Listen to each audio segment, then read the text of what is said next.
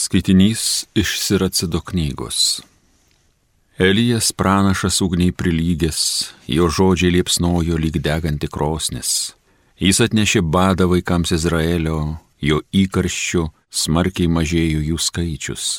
Jis viešpaties lieptas jiems dangų uždarė ir tris kart ant žemės nukrisdino ugnį. Sau pagarbą didžią sukėlė Elyjau. Ir kas tau prilygtų, galėtų didžiuotis su audra, į viršų buvai tu pakeltas, tave skaiščios liepsnos į dangų lydėjo. Kaip tvirtina raštas, esi pasirengęs laikams besibaigiant rūstybę gesinti, vaikams sugražinti jų protėvių širdį, Jokūbo gentis, jų gretas atstatyti. Laimingas tas būtų tave, kas išvystų, toksai ir numiręs gyventų per amžius. Tai Dievo žodis.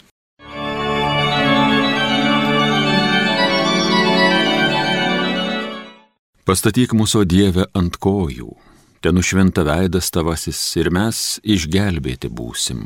O Izraelio ganovė, atidžiai paklausykė, tavo į sostą laiko sparnai cherubinų. Pakilk su didžiaja savo galybė, ateik mūsų vaduoti. Pastatyk mūsų Dievę ant kojų, ten nušventa veidas tavasis ir mes išgelbėti būsim. Dangaus kariuomenių Dieve sugrįžki, pažvelk iš dangaus, pasižiūrėki ir aplankyk šitą vynmedžių sodą, globok jį, tavo rankų sodintą, atžalą tavo užsiaugintą. Pastatyk mus, o Dieve, ant kojų, ten nušvinta veidas tavasis ir mes išgelbėti būsim. Numylėtiniams savo ranką ištieski, žmonėms tavo ugdytiems, mes jau nuo tavęs nebesitrauksim gyvybę išsaugoki mums ir mes šlovinsim tavo vardą. Pastatyk mūsų Dievę ant kojų, ten nušvinta veidas tavasis ir mes išgelbėti būsim. Alleluja, alleluja, alleluja. Taisykite viešpačiui kelią, ištiesinkite jam takus visi žmonės išvys Dievo išgelbėjimą. Alleluja, alleluja, alleluja. Iš Evangelijos pagal matą. Mokiniai paklausė Jėzų, kodėl rašto aiškintojai sako, jog pirmiau turės ateiti Elijas. Jis atsakė, tiesa, Elijas turi ateiti ir viską atstatyti. Bet aš jums sakau, kad Elijas jau buvo atėjęs ir jie jo nepažino, bet padarė su juo, ką norėjo. Taip nuo jų turės kentėti ir žmogaus sunus. Tuomet mokiniai suprato jį kalbėjus apie Joną Krikštytoją.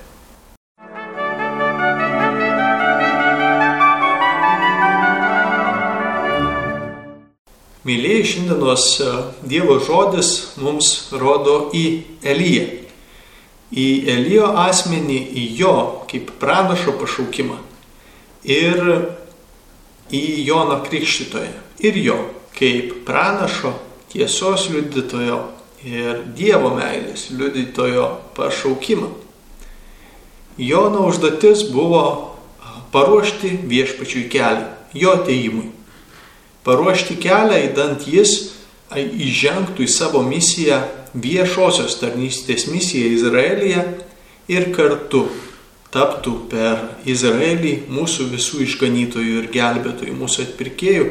Tai reiškia dovanotų mums naują gyvenimą, atnaujintą gyvenimą, kitokį gyvenimą čia žemėje ir kuris nesibaigtų nei po mūsų gyvenimo, reiškia paveldėti mūsų dangaus karalystė, kuri skirta mums kaip jo mokiniams. Bet dabar pirmiausiai pažiūrėkime, kas yra pranašas ir kodėl bažnyčia šiandien būtent pranašo Elijo ir pranašo Jono Krikštitojo mąstymę mums šiandienos advento laike e, skiria šios skaitinius. Kadangi adventą nuolat prisimename antrojo Jėzaus sugrįžimo, tai yra jog šlovingojo ateimo laikų pabaigoje tema tą dieną, kurią mes nežinome. Gali būti rytoj, gali būti šiandien, gali būti už tūkstančio metų. Dievo apvaizdoje, kada ji bus. Ir dabar kas yra bažnyčia? Bažnyčia yra, galima sakyti, atstovaujanti Jėzų, bet kartu atstovaujanti ir Joną Krikštito ir jo kaip pranašo misiją. Bažnyčia ruošia Jėzus ateimui kelią. Bažnyčia ne kaip institucija arba kaip kažkokia įstaiga, kaip dažnai matoma jinai išoriškai, ne per, per tokią tarsi pragmatinę pusę, bet bažnyčia kaip gyvų Jėzus mokinių, jo sėkėjų bendruomenė. Ir šituo atžvilgiu bažnyčia yra pranašė, vykdo pranašišką misiją, kuri reikalinga skelbimo, liudyjimo tiesos. Bažnyčia yra netobula, nes susideda iš netobulų žmonių. Kaip ir pranašai, kaip ir šventieji turėjo netobulų, turėjo klaidų. Tačiau įvykdo pranašišką misiją, kuri yra įsteigta ir suteikta paties viešpaties. Ir tai, kas yra bažnyčios mokyme, tai, kas yra Evangelija, Tai, kuo, ką Dievas yra apreiškęs ir ką jisai toliau vykdo, yra paties jo darbas bažnyčiai. Nepaisant jos paskirų asmenų netobulumo, charakterių savitumų ir visų kitų žmogiškų faktorių. Taigi, bažnyčia pašaukta būti pranašė ir liudyti Jėzaus gerąją naujieną. Ir iš esmės neapkenčiama šiame pasaulyje Jėzus mokiniai yra neapkenčiami. Ir Jėzus tą labai aiškiai jiems įvardijo, kad e, jūsų dėl mano vardo visi nekes. Jūs patirsite persekiojimą, jūs patirsite priespaudą, jūs patirsite panieką, jūs patirsite kančią dėl mano vardo. Dėl mano vardo. Taigi matome Jono Krikštojo asmenyje Elijas buvo persekiojimas, bėgo, nuolat patyrė vargą, sunkumą, maldą, uolę, kurioje trokšdamas atsiduoti viešpačiui. Jonas Krikštojas taip pat. Jis buvo kai kurių sekamas, kai kurių mylimas ir žinome istoriją, kaip sukurstytas erodijados iš pavydo, iš neapykantos jam už tai, kad sakė tiesą, kad liudijo apie tai, kas gera. Erodo laikysena ir pasirinkimams pagal Dievo mums duotus principus, jis buvo nužudytas, nukirzdinta galva. Taigi pranašo misija yra susijusi su ta konfrontacija, kada susidurėma su evangeliniu principu neatitinkančiu šio pasaulio gyvenimu, kuris gali daug kur netitikti ypač šiame laike gyvybės tema, aišku, eutanazija, abortai, žmogaus e, kūno ir asmens vertė ir, ir visi kiti dalykai, kurie na, mus provokuoja į kažkokios tai rūšės nemailės arba nepagarbo žmogui ir jo pilnatvėjai būdą.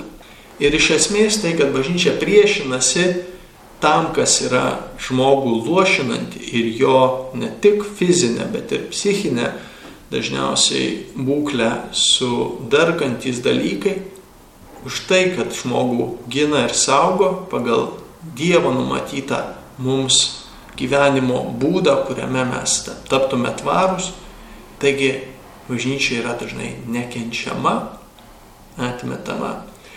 Už šito regimo mūsų konfrontacijos žvilgsnio taip pat galime įvardinti ir tą dvasinį principą.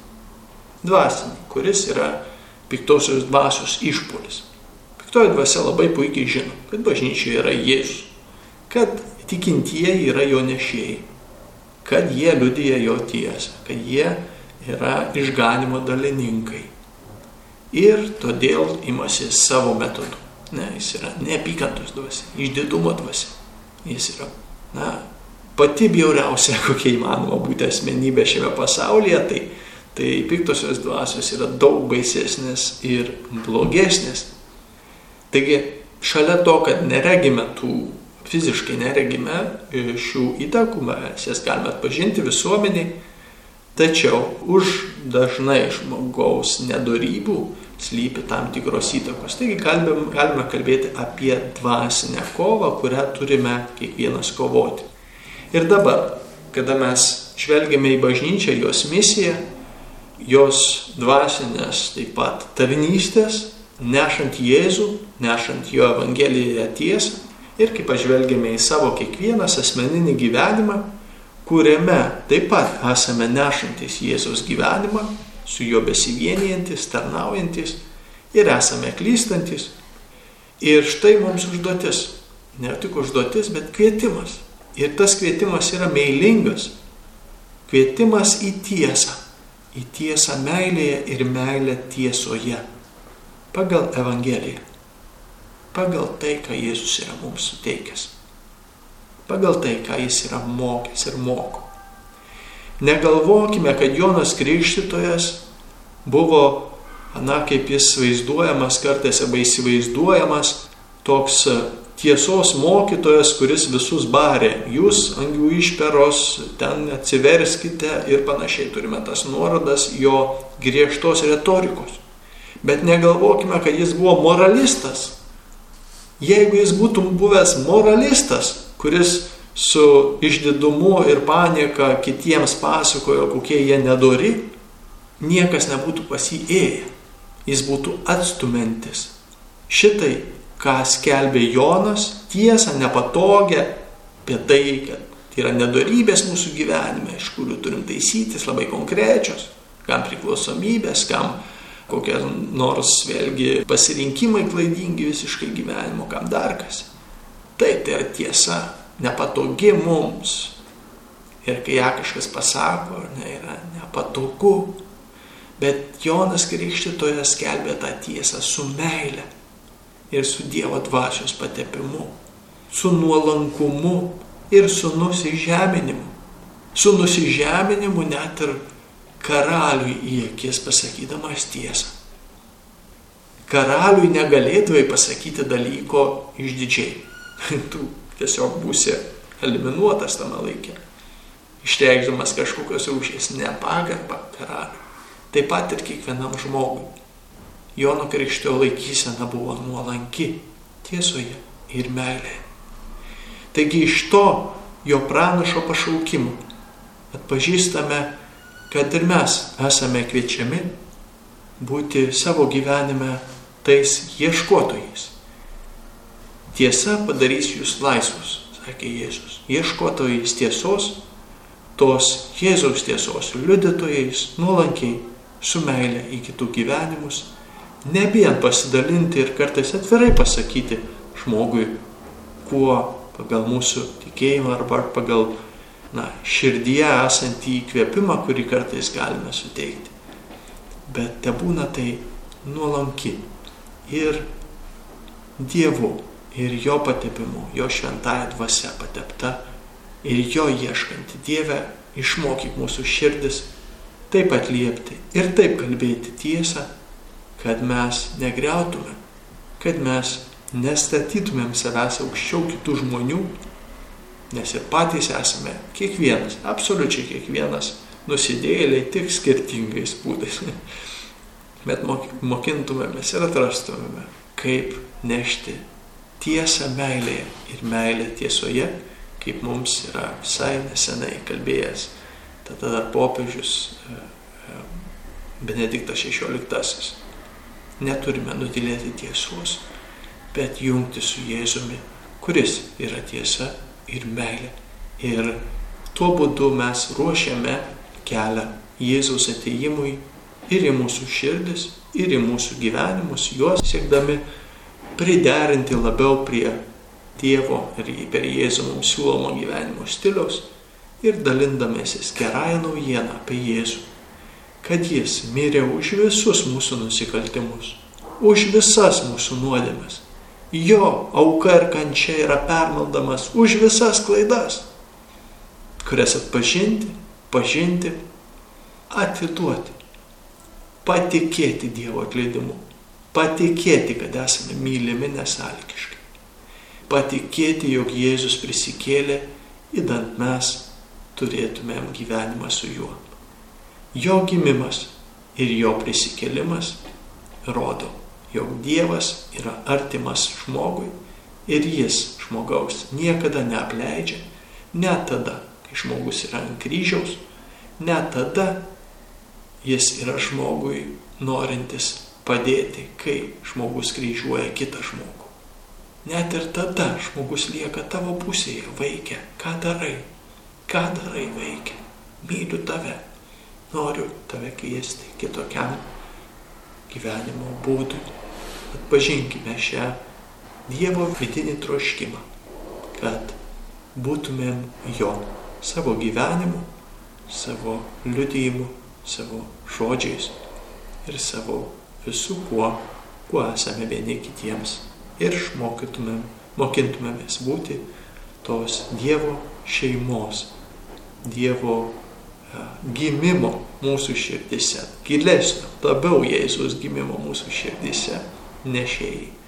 Tada tos kalėdos bus tikrai gimtadienis ir Jėzaus gimusio istorijoje ir gimusio mumise dar labiau.